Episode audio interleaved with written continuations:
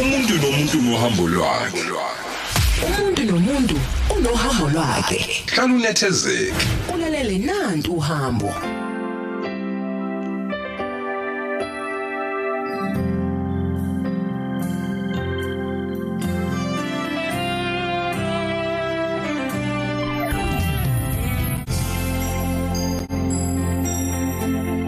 Kusukela ke mhla zisithupha enyangeni kaApril 2019 sethulo kokuqala esihambeli sethu kuhambo. Silokhu siqhubeke njalo nje kuze kube manje. Sineyihambele eziningi ezifikile esahlala nazo kwaba nesikhathi esihle. Bafunda kabalaleli bethu okuningi kuyihambeli zethu esiye saba nazo. Nami ngifunda ngikhuthazeka endleleni yami. Ngoba ngeke kwenzeke ukuthi kulethe umuntu ungafundi lutho kuyena. Uzoya nje emsakazweni ukhozi FM kuma podcast akhona uthi www.ukhozifm.co.za uyofika lapha nje umuthe nje indumiso podcast. Empeleni uma ungaya nje ngisho ku Google nje uvela uthi nje indumiso podcast ivele kulethele bonke abantu ivele kuthathe kuyise kuma podcast okhozi FM hamba download lapha yana abantu ikhuluma ezahlukahlukene eh, ngingayibala ngithini uyafica amagama lapha yam abantu abaningi esike sakhuluma nabo bakhetha ukuthi bazokwabelana nathi ngestory sabo impilo yabo ukuthi i- ihambe kanjani. Nengithemba ukuthi kuze kube namhlanje usalokhu ukhule njalo. Sibonge kakhulu kuba setsana khumalo esibe naye ngesonto ledlule. I-feedback ibe yinhle kakhulu abantu bathandile kakhulu ukulalela istory sakhe. Ubanzike njengoba ngasho ngathi angifuni nokuyiqala yokukhuluma nje ukuthi uhambo lwakhe kwezamabhizinisi njengoba nimazi ukuthi uyi-serial entrepreneur waze washo naye qobo lwakhe lokho kodwa ngathi siyomema ngelinye ilanga sizolalela kuhambo lwakhe kwezebhizinisi nje kuphela ngoba uhambo lude nalo lolo. Sinothembeka-ke wakazondo uwomunye wabasakazi bethu. Sakazi isikhathi eside la emsakazweni ukhozi FM waphinde futhi waba ngumdidiyeli eh, uyamkhumbula edidiyela uhlelo indiza nathi iminyaka emibili. Njengamanje ke uwomunye wabadidiyeli beyinhlelo zezenkolo khona la emsakazweni khozi FM nokumnyango ke futhi obalulekile kakhulu noyinhliziyo yalesi siteshi ngokwazi eh, indlela abalaleli bethu bayithanda ngakhona inhlelo zezenkolo. Memileke namhlanje ukuthi sizohlala naye silalela udaba lwakhe. Sabona ke mazondo. Sawubona shenge kunjani? no ngikhona unjani wena? Ngiyaphila nami. kuhle ukuthi eh i- isimemo sami wasithola usakhulele Ngiyakhumbula at some point wasothi hayi wo wangibuza ukuthi ngideliver nini ngathi mina ngoNovember wathi hey November kude. Ukusho lokho kusawu June isibu. yeah Ngathi no asingarashi ngizoza. no eh u- ungamiswa uwe Yeah. eh Ngicela uqale ngibingelele bandla kubalaleli. bingelela Yeah, ngicela ukubingelela kubalaleli ekhaya. Eh uThembeka uMazondo wakwacele. Ya, sanibona abalaleli bokhosi. Yo, kunzima ukuhlala lana uzo Be- kunzima ne- ube guest. akulula No. Akumnandi. uthi yabona kungcono makuthuzo uyi-guest nje mhlawumbe sizokubuza Ah, Ngebhizinisi nje lithile, Yeah, yabona. manje- Into ezoyifunda phansi. eh, manje sizo sizobuzwa Yeah. impilo yakho la Akumnandanga, akumnandi. Sanibona nasewindini. uzalwa uzalwa umahlongwane Mahlongwane eh nensizwa yakwaZondo yakwaZondo. Yebo. awusixoxele ngokuzaleka kwakho nekhaya la ophuma kulo Okay. So uThembeka uh uzalelwe kaDabeka. oh Ehe. Ngazalelwa kaDabeka esibedlela. Eh ngizalwa uma uMahlongwane nobaba uDavid Themba Zondo. And then kuthe ngina nenyanga ezintathu ngiyacabanga ngatha nga- ngahlala no o- uma wayesebenza ngaleso sikhathi wayesebenza kaKotini. Eh mangabe sebenza kaKotini umaso obviously wayengekwazi akwazi ukuthi ahlale nami akadingane so ngathathwa u- usisi wakhe omdala umamkhulu wami usadlule emhlabeni. So mangithatha umamkhulu wami ngahlala naye ngahlala naye ngicabanga ukuthi ngaze ngaba nonyaka. Mase nginonyaka ngase ke sengihamba sengiyohlala kaNongoma. Yazi ukuthi nami some of these things bengizizwa ngomanje recently. okay So ngahamba ngayo ngayohlala kaNongoma. Eh sihlala kaNongoma koMbuzi. oh kombuzi Mm. yeah So wayesaphila kumkhulu wami ngaleso sikhathi. In fact kwakusaphila ngisho ngiyakhumbula nje kancane ngine vivid memory kaGogo Shamasi.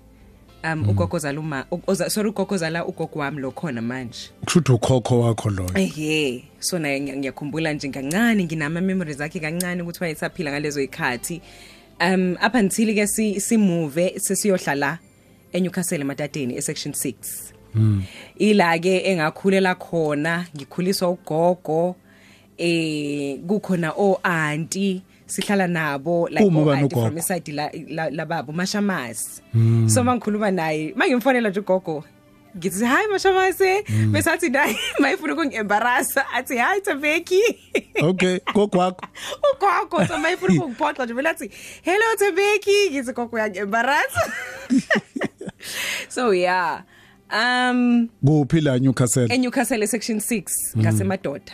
Okay. Eh ngafunda em emuzika yise la engafunda khona ngaze ngenza ugrade 4 so ke ngasuka sibunga ufail ugrade 4 yazi ngangixoxela nomrose ukuthi ayikho into engiphatha kabuhlungu njengaleyo singafail standard 2 ngafail standard 2 kafeyileka la empilweni. Ngangingakhali kanje ngifail standard 2 No, ngisaba kuyafeyileka la ukukhombisa ukhokha empilweni. report ngisaba ngisho ukufuna yabo like okay uma nobaba babehlala eThekwini. So kwakuthi njalo mangabeke kwama holiday bafike besiphathele into ezimnandi. Uyabona mase behamba bashiya nemali. Mina nosisi wami omdala usizakele because ithina esasikade sihlala lapha emadadeni abazali bethu bengekho. Bonke lababanye abazali abazali babo babehlala nabo lapho cause kwaku auntie bethu. So babehlala nabo lapho. But thina mina no- no- nosisi wami omdala abazali bethu babe la eThekwini.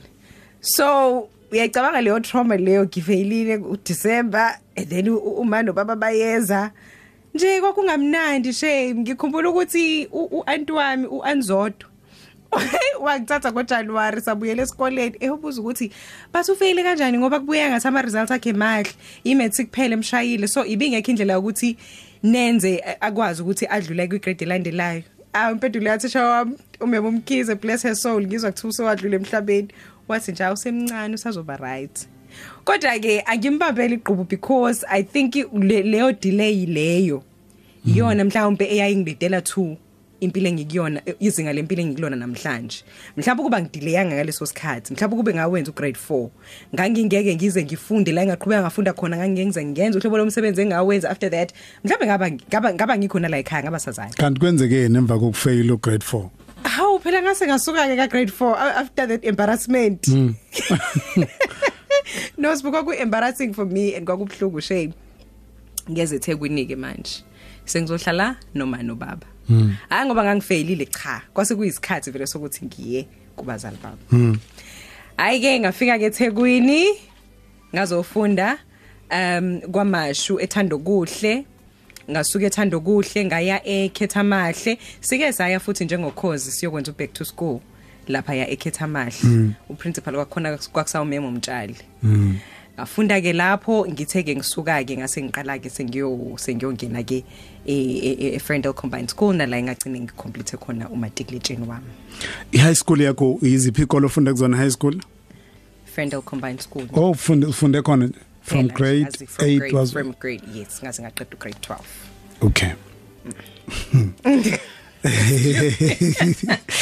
Hey indawo kaThembeka. Wo- yeah ngawufeyila standard 2 le le umthwalo wokufeyila standard 2 ukwenze wangathanda ukuphinda ufail elinye lama class lalela sibu.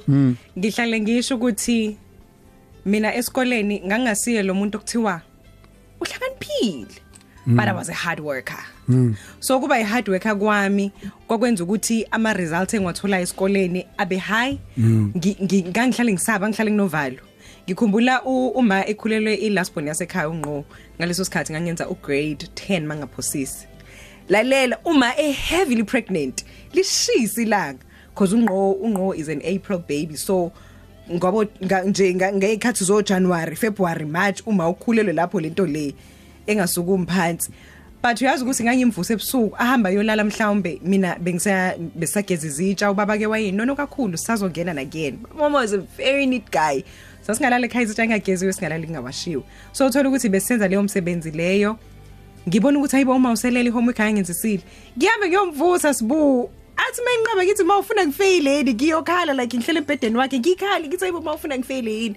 And then sivuke avuke sisenze lo msebenzi lo wesikole. So that's how much engangisaba ngawo ukufaila nje after failing Niba- grade ni- 4 niba ngaki la kini? Um okay kufike kube usizakelo siswami omdala bese kuba imina kube usiphume olama mina kube umfana usikhanyiso. Uyedwa nje umfana ekhaya usikhanyiso bese kuba ilasbon unqobile intombazane okay. Yeah bonke laba bantu bakhulela njalo la ekhaya kamashu? No no no. Usizakele wakhulela e- waqhubeka na wahlala ekhaya eNewcastle. So i- i- abakhulela kamashu yimi usiphume usikhanyiso nonqobile. Yeah. Thembeka Zondo sihleli ke naye kulolu suku lwanamhlanje silalela uhambo lwakhe umsumzwile eh usethe qhamuka nje wasikhumbuza ukuthi awafeyila eh impilo injalo. Ngoba le ndoda lihle. Eh impilo injalo. Umuntu angakubona umuhle kangaka? na ufeyilile la empilweni umzwileke uthe u- u- umbize ngegama ubaba wakho wathi uDavid Zondo David Themba Zondo Okay. Uma wakho yena ubani? uma uzanele uTeresa Zondo uma uMatheri simbiza uMatheri Okay. Umathi- I- i- Ithishelakazi. uMatheri uthisha yebo uya- uyafundisa ufundisa lapha eMtuba Okay. Lungile siyabuya sihleli nje noThembeka Zondo si- silalele impilo yakhe sizwe uhambo lwakhe ufike kanjani la ekhaya? Ngi- ngiyacela nje mangabe kuukuthi uyayikhumbula lezi zinto akhuluma ngazo sithumelele ke voice note yakho nawe. Makukhona okukhumbulayo nje mhlambe em wakamashu wase Newcastle angazi uhlangane phi naye sithumelele voice note yakho. Eh ne- ne- ne- no- noza kwabo. Eh khona like ungathanda ukuthola voice note kazakwenu Bethini? How? What do you mean but bathini? Kama Inga like hayi alele. Ise Vegas. Okwenzeke eVegas akuhlala eVegas program manager zethi ngi- ngiyama ngiyamazi thembeka ngiqala ukufika la ekhaya ehlupha. Ah. Ehlupha. Ngathi hayi uzoyeka ukuhlupha. Lutho uthembeka wangakuyeka ukuhlupha wahlupha kwaze kwaba manje. Ila ngamphikisa khona uMatembe awuyazi ke lo ngicela voice note. Webalingani ngicela voice note. Kodwa hawungubani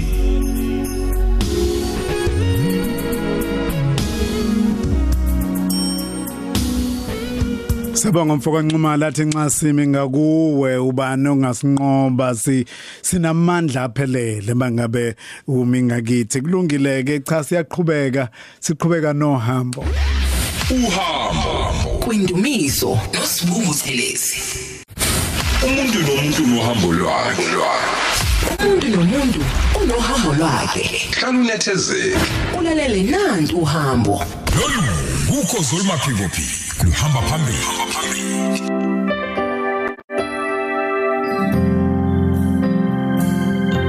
25 after 10 o'clock. Hlele nothembeka zondo cele. Hey hey ngaze ngihlawuliswe. sefonile phela umyeni kaThembeka wathi wayishaza phelela yena lento yokuthi ngithi uThembeka zo- nayo lento yokuthi nje eh, i- i- i-guest um- umyeni wayabe nenombolo yakho nje. Yazi iqala lapho nje inkinga nje cha. ngoba uyithatha phi inamba leyo umsakazi sibu?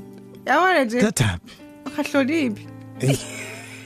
ocele madoda. Thina sakhona simsaba umsakazi hawu ufika kanjani kumsakazi hey futhi inkosi impela le Isibindi generation esingaka. yama 2000 usathapi isibindi esingaka sokufanele umsakazi?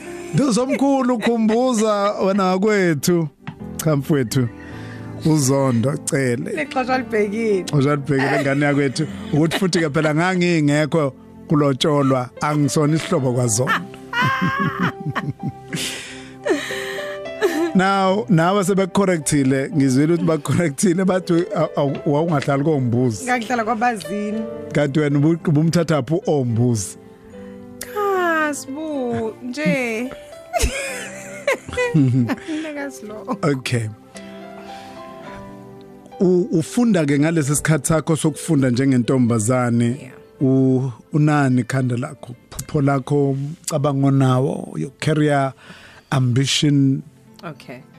Angiqale nje la ngalesikhathi ngifunde esikoleni Uh oh angithi uyakhumbula ukuthi ngithe nga- nga- angeke ngiyibize ngengane yayi intelligent kodwa ngingayibiza ngengane yayisebenza kanzima. So kusebenza kanzima ke kwangenza ngabukeka ngathi ngihlakaniphile. Kakhulu kunalendlela engahlakaniphile ngayo. Ne? Yeah. So esikoleni asiqale nje la ngamava ami esikoleni. Esikoleni ngaba yi-class monitor kusukela ka grade 9. Ngaba yi school prefect. Asuka lapho ngayi RCL rep. Nje kwahamba nje kwahamba iya right nje impilo yabona sibunga singaqeda umatric. Ngileyo ngane nje egqoka uthayo o- o different yabo.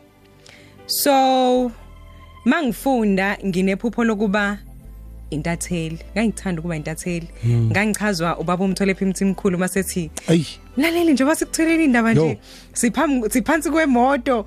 Eh uyabona nje ayichaze ayichaze ayichaze. Akuthatha kubeke endaweni akubeke loyo muntu kuyisimo kuyona. wanginspirisha-ke nami. Yes. kakhulu. So ngangifisa ukuba intatheli. Ngicanga ukuthi ngalizwa ngaye futhi negama ley'nhlamvu zenjoloba. Ngangazi nokuthi inhlamvu zenjoloba.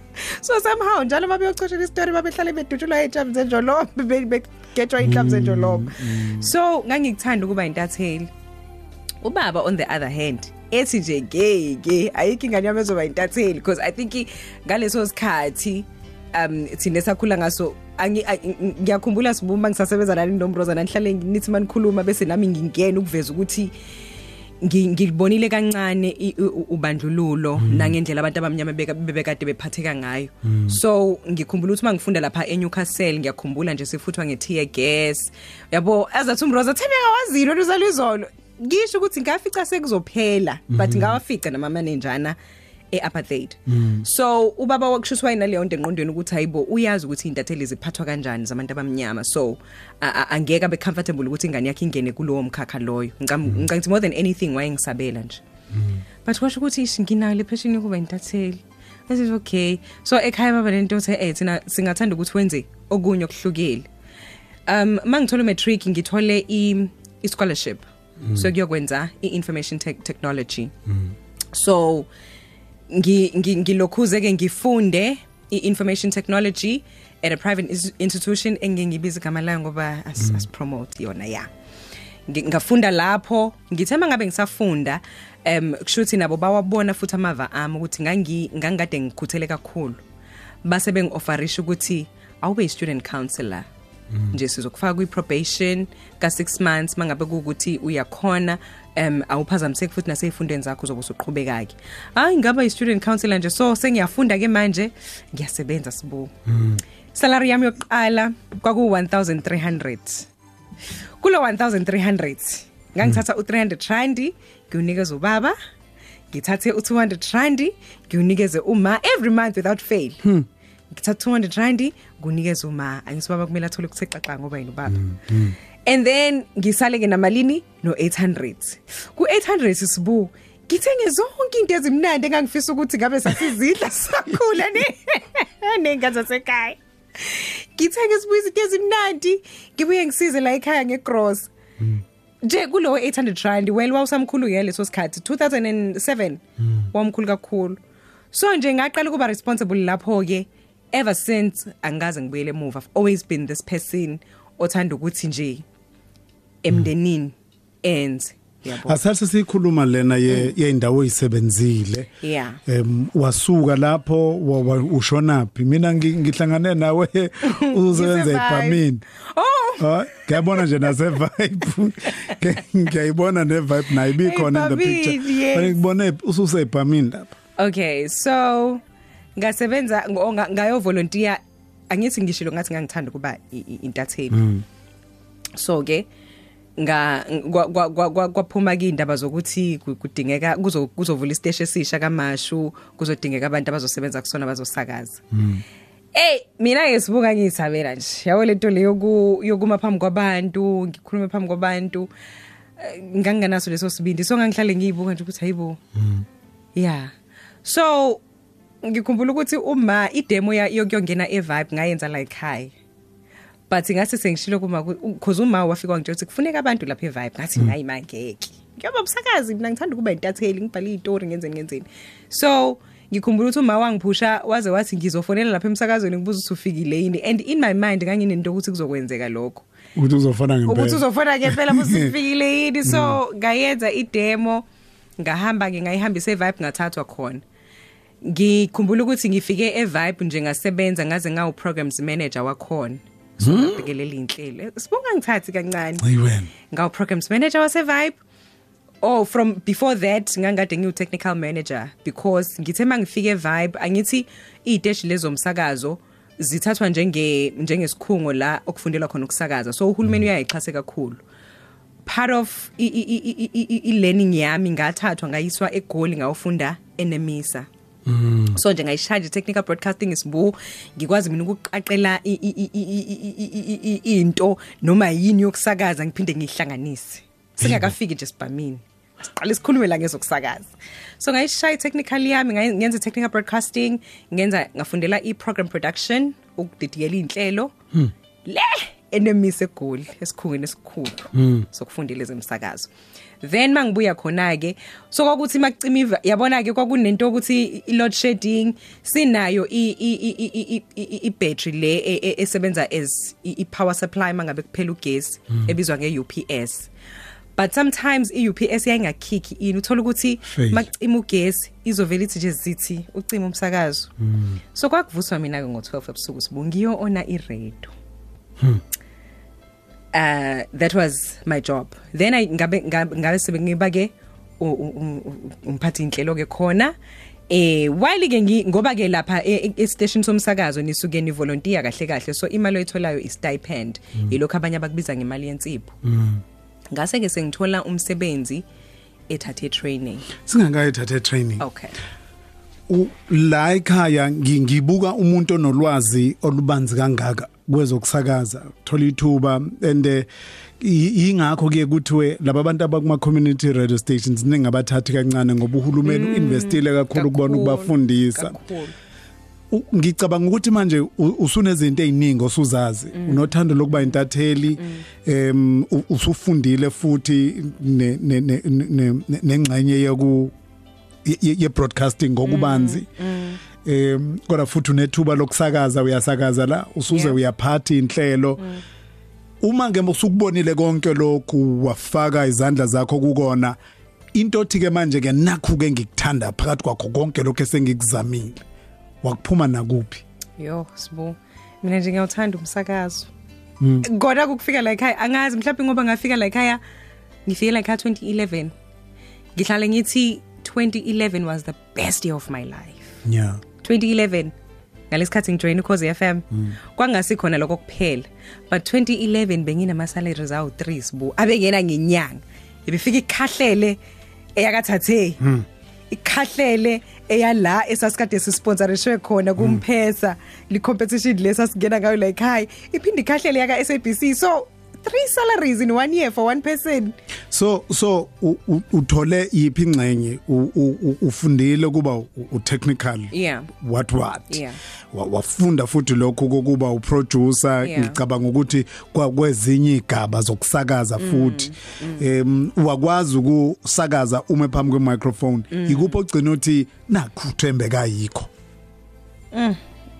it's difficult ukusho yazi? Ngamanye amazwi ngoba uthanda namanje nama- iradio ngithanda iradio. Noma namanje yini namanje ethinta- angikabi yes Uma- namanje angakabi la ngithi ngifuna ukuya khona. U- uma ngathiwa nje kusasa u- ube njengonosihle ube a station technical producer. Ngingakwenza. ngakwenza lokho? Ngingakwenza. kahle nje?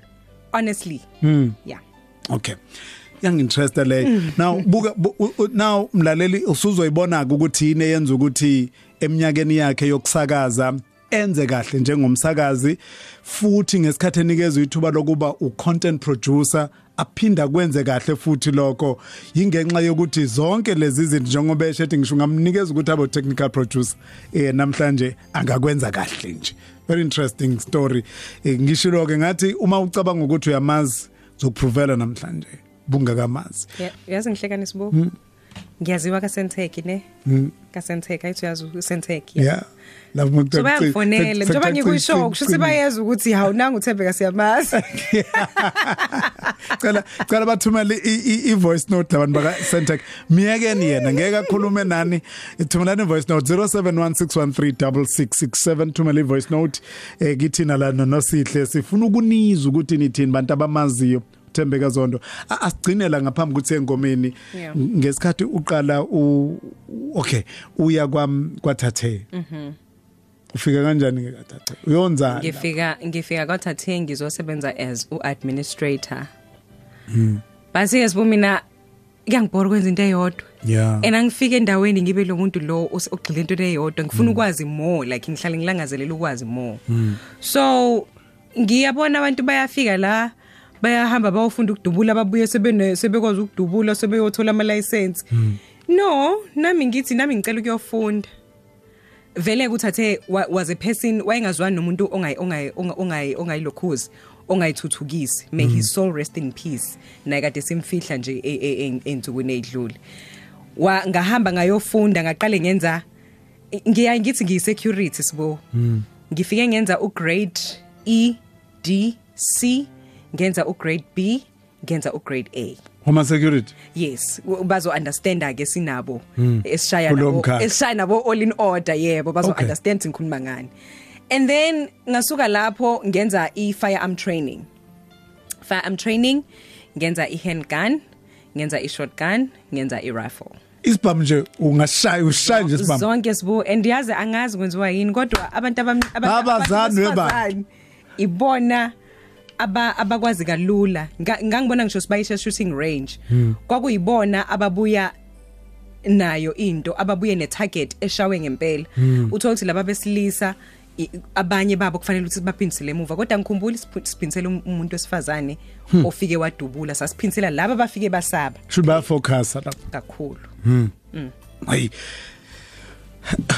Uyamcabanga uthembeke shaya. Ibhamu ezahlukahlukene Ni- niyamcabanga nje ukuthi sinesosha nje la emsakazweni. So ku- kwadinga ukuthi u- uqualifyele futhi nalokho wedlule wonke la ama grade lawa ya awukwazi ukuphatha isibhamu sibu ungasifundelanga hlobo hlobo hlobo so kwadingeka ukuthi ke ngithola icompetency yalokho. Ngangagcina futhi lapho. Ngahamba ke manje ngayofundela ukuba yiassessor.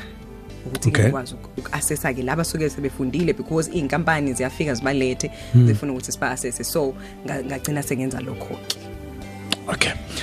Masibuya si already usuvela ubambo ngezantsi Vele nje usuvela ubambo ngezantsi sihleli ke noThembeka Zondo cele sikhuluma naye silalela uhambo lwakhe ufunde phi wenzeni iziphi izinto azenzile amava akhe. Masibuya sifuna uku ufike kanjani la emsakazweni? Ukhozi FM emva kwalolu lwazi olungaka analo wafika kanjani ke la emsakazweni ukhozi FM sangasithumela ke voice note yakho 071613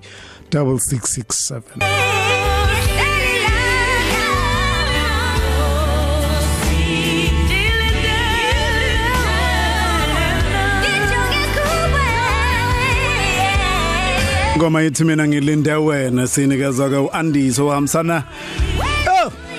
Nayo lenkosazana ne voice emnandi. Ncebakazi nanomthi. Lalelo nje walalela amaphimba lezinto kazi man.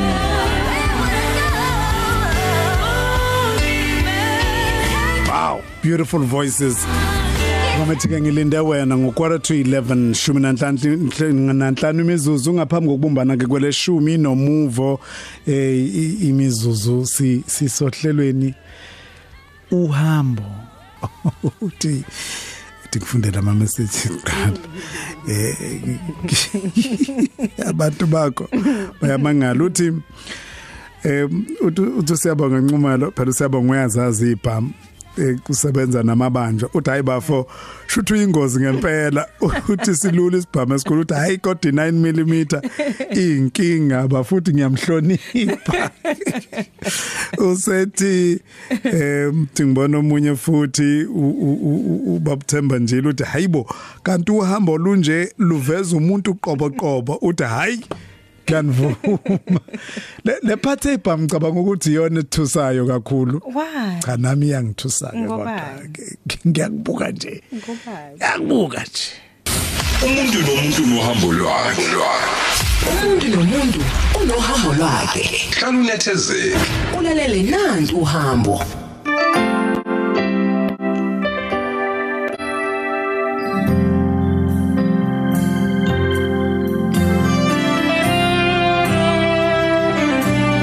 Sibongileke uthi sibone ukuthi bathini aba abangani bethu laphana ku Twitter uthi um uGethompanza endulinde uthi ke kushuthi ucele ushade nesosha phela lapha ngisho eh uthi ngisho ke lale vula umnyango ubusuku bonke.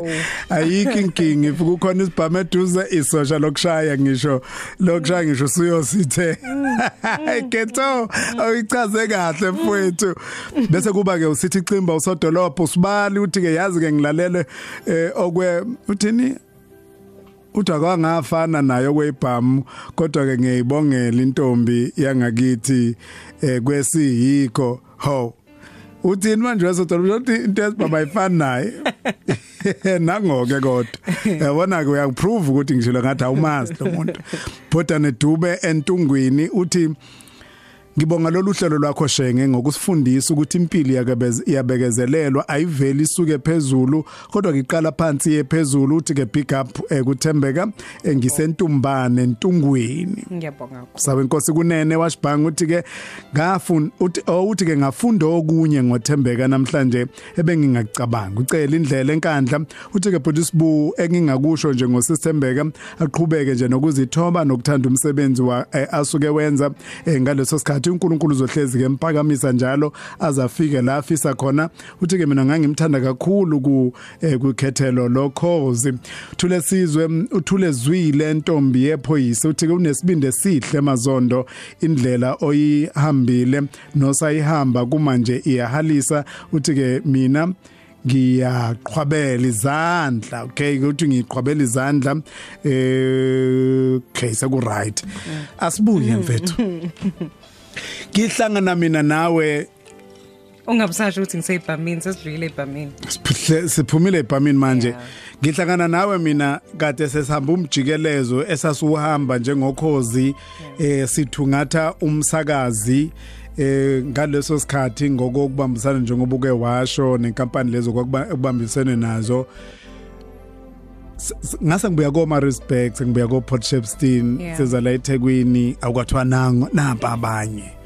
Ngayibona ke nami le ntombi awu nansi intombi phakathi kweintombi kuthiwe zifuna lesi sikhathi sokusakaza.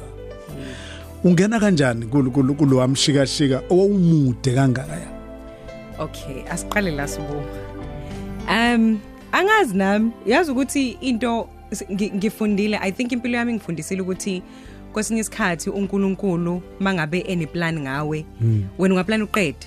But uNkulunkulu uhlele neplan yakhe. Mina sibu okokuqala nje ngingakuvulela ama ama ama emails em azofakazela lokho engizokusho manje. Iqala phi indaba yami yokuthi ngize ngize nje kuma auditions la ekhaya kunomngani wami uzama unapa wenza ngicabanga ukuthi wenza idrama manje la ekhaya unapa. unapa. Uzama. No hayi hayi unapa lo. Oh hayi lo wasemnambithu no hayi wasemnambithu unapa wala eThekwini alright kubo like kubo kula eSherwood sure.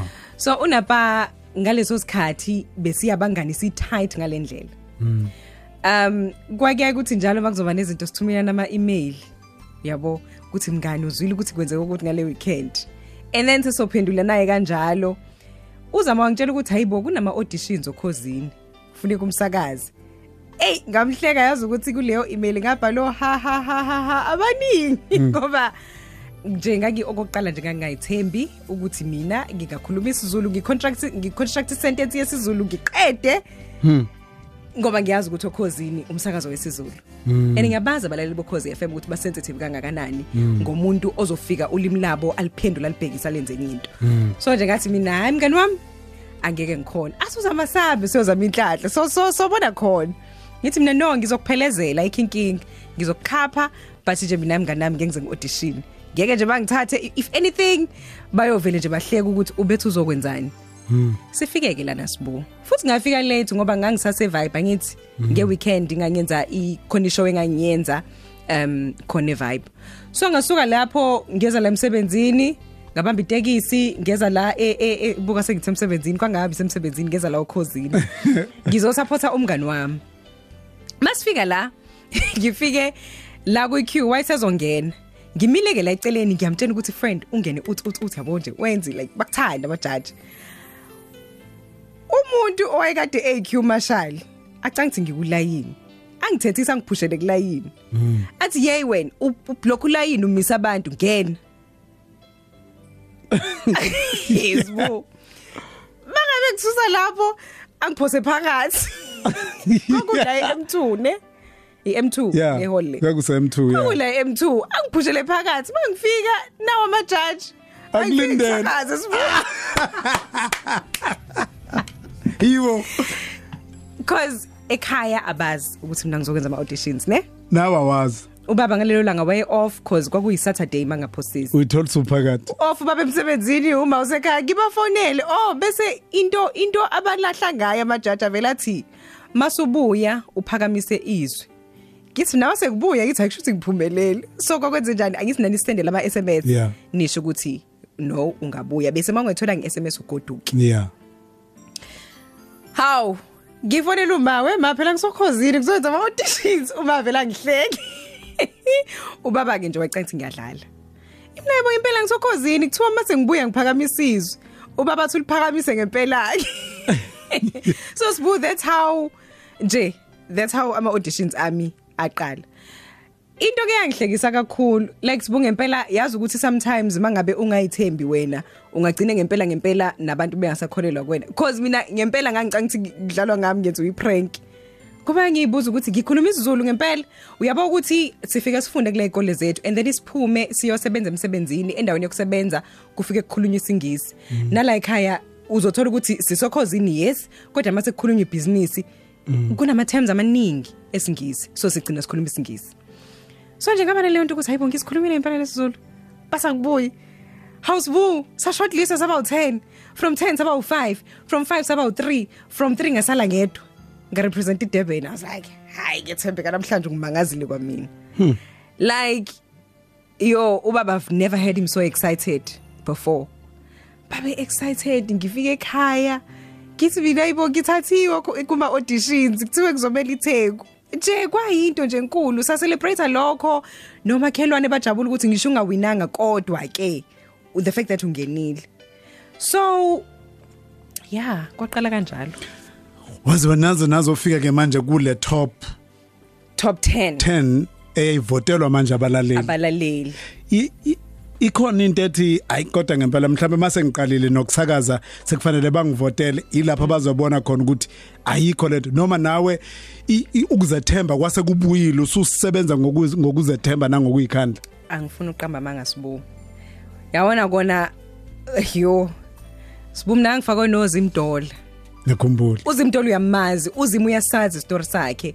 Nje so nje ngangivele ngibuka uzimtola ngibuke mina ngibuke u ku- ku- u- uuplane yes ngibuke Aplane. mina yes. ngibuke there was this guy kunamanye ama guys futhi awu2 ngibuke bona ngithi ngeke.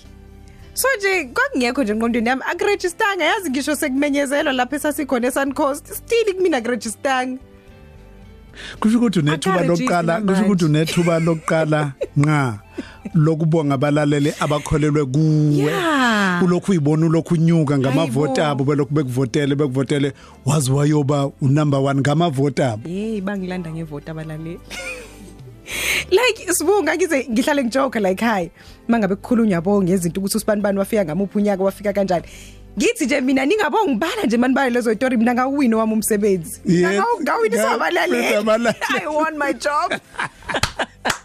Hey sivelelo ke ingane zakwethu? Kusho ukuthi akayuqoshwa yena. Uthi mayiqoshwa Ngawina athi umsebenzi wami. aye athi Ngalethwa naba abalaleli. sebengixosha nina nangiqashayo Ngawina abalaleli. Bona abaqashi bami. Sizolu sizobuya ngale kwezindaba sinothembeka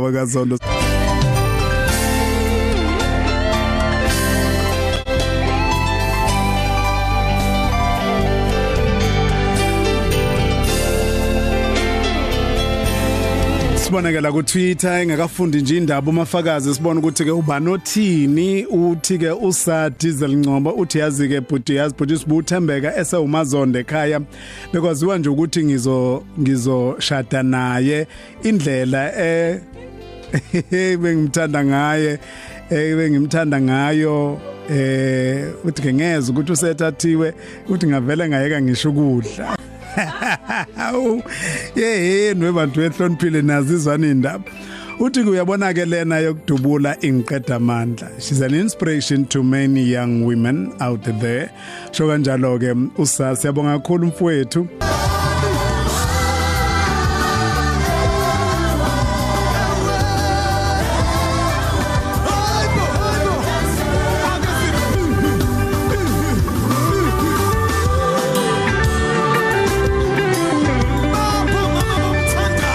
Igama lakho ngusibuno wayingoma ithewe Getsemane enye ke ingoma engena emgijimeni onzima kakhulu last year.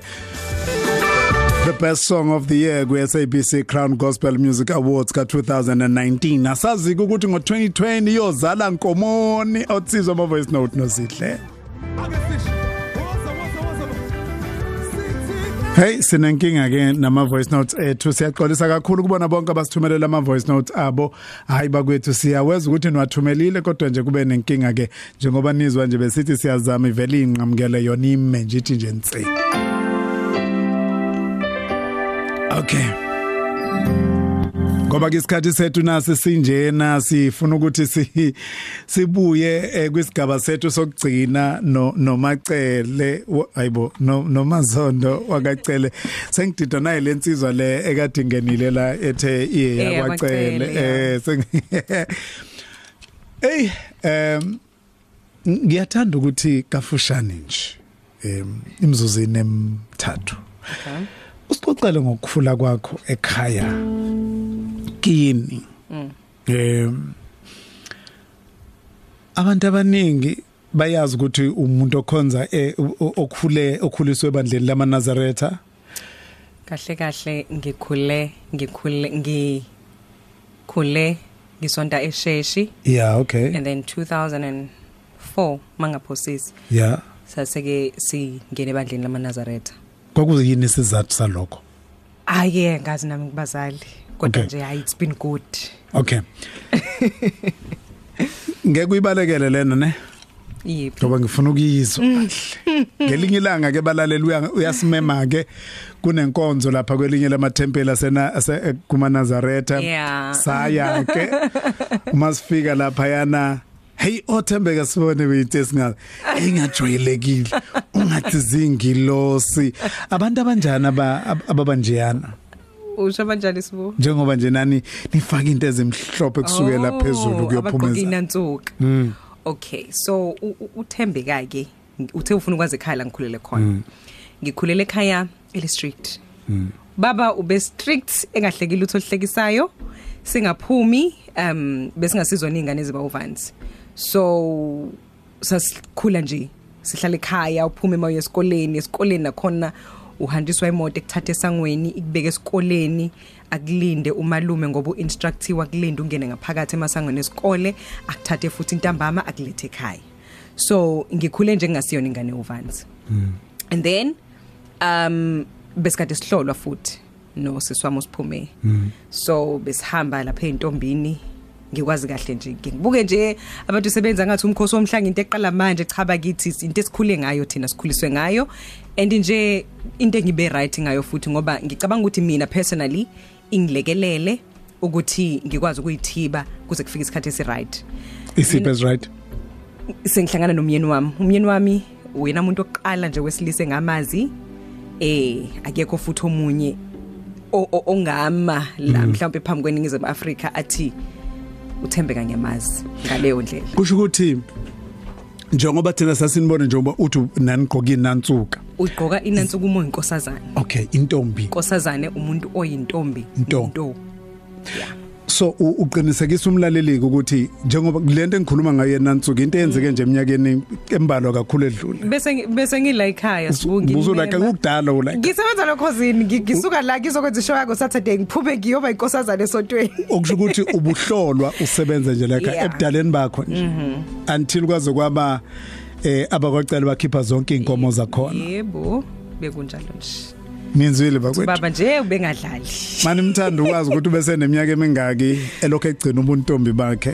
28 ngi- ngi- ngihlangana nocele kakina 28 years. Eningishilo ngathi uma ucabanga ukuthi uyamazi uthemba ngizokuprovela namhlanje ukuthi awumazi.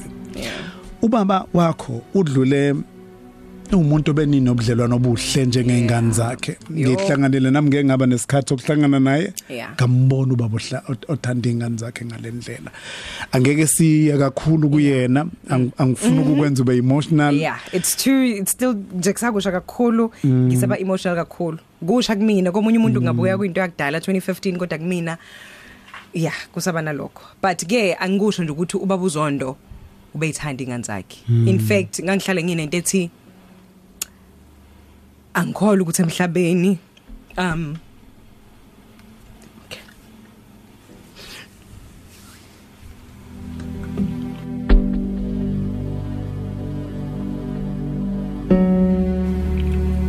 okay. khona into ayisho uthi noma engasekho emhlabeni kodwa eniyeni kwenze niyeni kwenze indlela eniyiphatha ngayo ngoba noma esehambile emhlabeni njengobusho uqhubekile wazoba no28 kwafika ithuba lomshado washada kodwa ubulokhu eh, ubambelele kulento ayikwazi ngayo ngoba beninomuzwa othi noma engasekho emhlabeni kodwa kufanele uyiphathe ngendlela yokuthi athi mangathi uyavuka kuba ukuthi ufike ukuthi akushintshe lutho. Abe proud nje. Yeah. so ngangingacabanga ukuthi ngiyoke ngihlangane nomuntu oyokwazi ukunginika lo liyathanda baba isinikeza lona. Baba sibu ngikhumbula ngenza ishow yasekuseni between 2 and 4 ubaba wayevuka angiranele amanzi okugeza angivulele isango angingomela imoto ngiphume sibu ngiye emsebenzini ngize la emsebenzini eintatha and then mangibuya ubaba usengivulela umnyango. Yabona nje e- e- e- eyileyo nhlobo leyo yomuntu. Though sasingavumelekile ukuthi siphumele ngaphandle yo sorry ngiyaxolisana kubalaleli it's just that yeah mangikhuluma noba ngobaba i really get emotional. So ngiyabonga. Though uh sasikhula singavumelekile ukuthi siye ngaphandle kodwa ubaba wayenza show ukuthi uthengela yonke inhlobo ye toys athi ngifuna ukuthi maniphuma ngaphandle ningichazele ukuthi ni- nilandeni. And then mawuphuma futhi sibu uzosithola isibhaqa. Ngoba uzokutshena athi ayikho inhlobo ye toys onganayo la ekhaya alukho uthando ongalitholi la ekhaya uyofunani ngaphandle? So ileyo ndoda baba beyiyona. Ose ekuyiphatheni kwakho isikhathi esingaka 28 years ukufika ucele uyocela isihlobo esihlekini um khipha inkomo zakhe zamabheka ebheka kwazondo um uma ufika lapha na uyashada ulindele emva kokuyiphatha isikhathi esingaka ulindele ukuthi uzothi ufika nawe ubugona ingane. Yo yeah enye ke futhi leyo. Um so ucele okay sihlangene nobo buqale 2015 unyaka usiyophela and then eh angithi singiqome ucele 2015 unyaka usiyophela ngibeke kanjalo.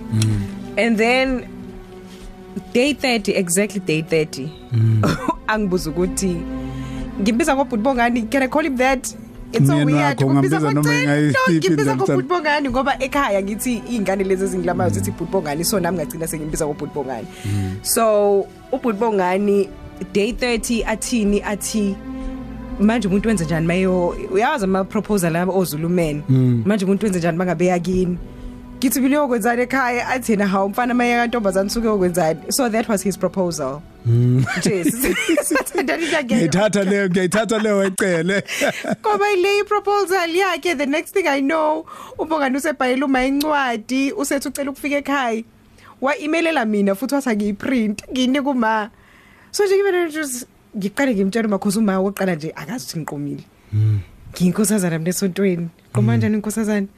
So ngisana leyo nto nje uma vela athi ay akeze phela akeze soxoxa so nje ya bafike ke ayike zikhulunywe ke indaba zamalobolo ke kuze kube ngiyashada ke sibu. So mangabe si si si- okay before sishade lo mshado lo abantu abebekade bewubona lo mhlophe already angithi sengilojoliwe mina kacele kwenziwa nje zonke imfanelo kwagcinwa zonke imfanelo so i can safely say ukuthi bese ngivele sengishadile before then. yes yes yeah. Now bese sizama ukuthi sibe nomntwana. Sibuka ungenzeki. Ngizame kungenzeki. And uyazi ukuthi ngaso sonke isikhathi mangabe ingane ingatholakala emshadweni kuhlala kuthiwa inkinga umuntu wesifazane. And nami futhi ngiyambona ucela ukuthi hayibo nangena unazo ubhuti bongani ingane eziwu2 kune kunezinye ingane zami engiyifice vele emshadweni. Ulisedi omdala umfana bese kuba uAmile so ngiyabona ukuthi hayi inge impela kimi nonengxaka apha uyabo but sihambe nje isikhathi ngikhumbula ukuthi bese kunesikhathi la khona ebengikade ngithenga i pregnancy test every month for the past 4 years. So every month so kuthatha isikhathi singaka Yeah. ukuzama ukuthola iminyaka ingane? ewu4 4 years. And lento lena bonke abantu abaclose kumina bayazi ukuthi into ebengikade ngikhuluma ngayo zonke izinsuku into ebekuthi noma ngikhumbula nje abangani bami nefamily yami bengenzele i- i- i- i- i birthday ka 30 years. Uyazi ukuthi ngaze ngaba namahloni. Abantu bazile lana bazojabula bengisahlala la eMorning Side. Bafikile endlini bazojabula nami. Yazi nje ngavele ngabathela ke inyembezi ukuthi yazi guys nina ngiyanizwa niyangibongela yonke into sengiachievile empilweni but i haven't achieved a thing. Bathi bona ngobani ngithi anginayo the one thing engiyifunayo emhlabeni anginayo umntwana. And kumina ngiyozibona ukuthi ngiachievile the day i get umntwana. So nje kwagcinise kumuncu kwangathi we are at a funeral rather than ipart i, I really really ngafeel bad afterwards ukuthi labantu bathatha isikhathi sabo imali zabo behlanganisa but nje kugcineni ngazobathela ngenyembezi it was very painful sbo uh ngikhumbula ukuthi yo ibibhlungu indaba yami nokungabi nawo umntwana because uma ubehlala ngifonela athi namanje Eh. ngelinye ilanga nga- ngamphathisa ama ama sanitary towels ngisekhaya. La kamatsho so ngithi akangiphathele athi ayibo uke wa check kodwa? Namanje lutho yabona ngabona ukuthi uma lento lena iyamlimaza nami iyangilimaza and manje usehlula nokuthathuleke usiyangibuza. But futhi uyazi ukuthi it's not in my hands. And naye kubhlungu because uyasho ukuthi wayesezethu uma yazi la ekhaya nje kukhali ngisho ingane kuthulekile nje egcekeni. So kwawumthwalo nje lo omkhulu. Ngapha ngasemzini sinjani simo em odadewenu em inlaw zakho umyeni wakho kulesi simo sokuthi ndifuna ingane ayi- ayifiki? Yabona ngihlale ngikusho sibu kuyakuthuma endawuthunyelwa gondwane mina ngathi ngalithumela. Ama inlaws zami best. Kusukela kubhuti omdala ebesikade simbeka ngoNovember may his soul rest in peace. Kuzoba omunye ubhuti omdala uJB ohlala eGoli.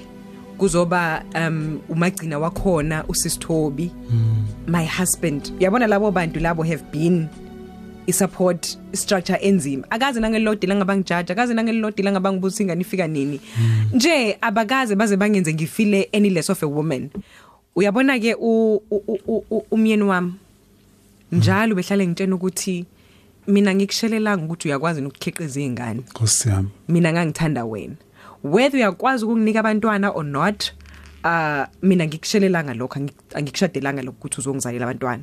So mangabe uNkulunkulu esibusisile uzosibusisa mengasibusisi futhi akasibusisa nga fine. Um and he- he was very open minded in such a way ukuthi ugogo wami ugogo wami sibuka kaya ngesikoleni kodwa ngendlela informed ngayo ngezinto. Ugogo at some point ngiyakhumbula esifonela no nobutbongani ethi nike nakucabanga kodwa i- i i- adoption yabo and ngithi mina kusho ukuthi ngempela ngempela ngempela there is no more hope. Ugogo njalo mangifika ekhaya sibu ubehlale ethi yazi thembeka into evele ngiphathe kabhlungu indlela oyiphathe kahle ngayo. But nje into oyifuna kakhulu kungiphatha kabi ukuthi awuyitholi. Last year sibu mangabe ngivakashe ekhaya eNewcastle um ngizalwe ekhaya lomkhuleko ekhaya nje siyakhuleka. That's how we were brought up. Ngifike kugogo angazi nami ngangisuke yini. Ngikhumbula ukuthi kwakukhona uMaya ekamerweni kukhona angisakhumbula ukuthi imuphi anto wayekhona bese kuba ugogo. Nga- ngacela uxolo nje ngacela ukuthi ngicela bangishiye nogogo. Mabe ngishiya nogogo ngithi gogo ngicela uthandazele isibeletho sami. Nje. Ugogo sibu that day wenza umthandazo ohlukile engakazi ngimuzwe wenza before. Ugogo started uh uyamhlonipha kakhulu uNkulunkulu but ngalelo langa wayethetha. You know? And ekuthetheni kwakhe aze asho ukuthi nengane yakhe ubaba uze wahamba emhlabeni ubebathanda abantwana uNkulunkulu uyakwazi konke lokho. So why can't he grant me this one wish? Okay? Anqamba manga. Exactly a month later nga discover ukuthi ngikhulelwe. After trying iminyaka ewu4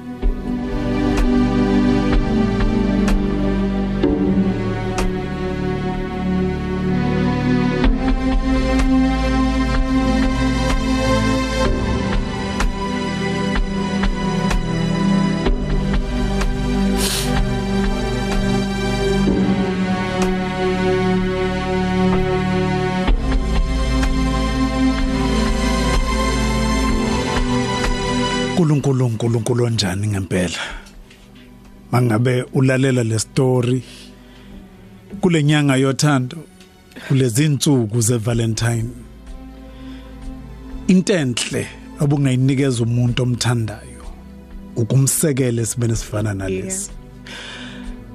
Cela ukubonga umndeni wakacele cela ukumbonga ucele. Ukuba isibonelo esihle. Namhlanje ngicabanga ukuthi abalalele ababhizi befaka incindeze enganeni zabantu. Animthola umntwana umthola umntwana. Kodwa namhlanje ngiyacela ukuthi nithathe nasi isibonelo esihle. Kwacela ukuthi umuntu uyasekelwa.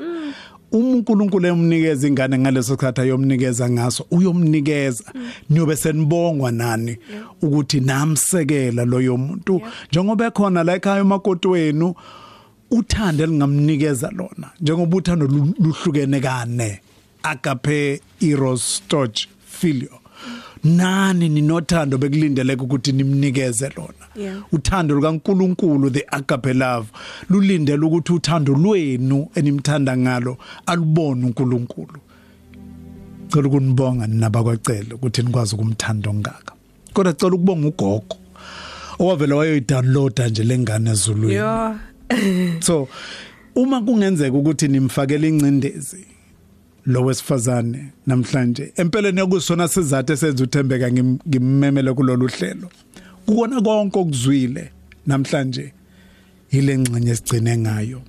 Kule nyanga yothando kule mpela sonto ye Valentine sicela ukubathwesa uphaphe lwegolagwala bona bobabili nomyeni wakhe.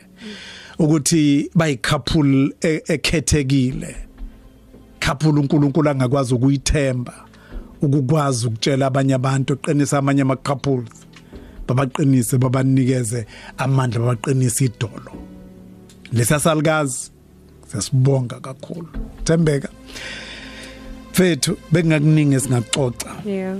Uyibongela emndenini wakho akukho kudlula lokhuyana okushilo em siyabonga kakhulu. uNkulunkulu anikeze amandla nime emshadweni wenu. Bangathanda ukukhuluma nawe in your socials Yeah, more than anything sibu ngibongela uma ukuthi aba ugogo yazi Yeah. u- ufika mvuthu uthalitha eh, ba- akithi usebenzele ebutuba so mayefika ngisho kuthulele oh mangabe ezo ezo ezo ezofika kuyayathi ngiyeza ngicela ufike kamasho ukuthi ngifikeke ekhaya. Mangabe ngifika naye uthalitha amficelele amvuse. Ngithi mawumvuselana athi hayibo ngihamba indlela yonke ngicabanga yena. Manifuna ukuthi ayiqedele nimcela ayiqedele kwikhaya lethu niyezwa ngolesithathu sinikeza ama socials at Tebega underscore zondo cele. Yeah yonke Twitter indawo la- oh, Twitter. Instagram Facebook Tembeka zondo cele. Sengishilo ukuthi sithwese nina nomyeni wakho phaphe legolagwala yes ubaba ucele sithando sami. Babucele eh ukusekela uthando My honey. ngaka eh nomndeni wakini. Nansi ke ingoma icelile the song of gratitude by the Leli kusho ukuthi McClacken icu- project. Culo iculo lokubonga leli ukuthi ngingasho kanjani kwenkosi yo. Ukuthi ngiyabonga. Kuze kube ngesonto elizayo sibubuthelezi nosihle sibisi. Siyanthanda kakhulu umshenku usekhona.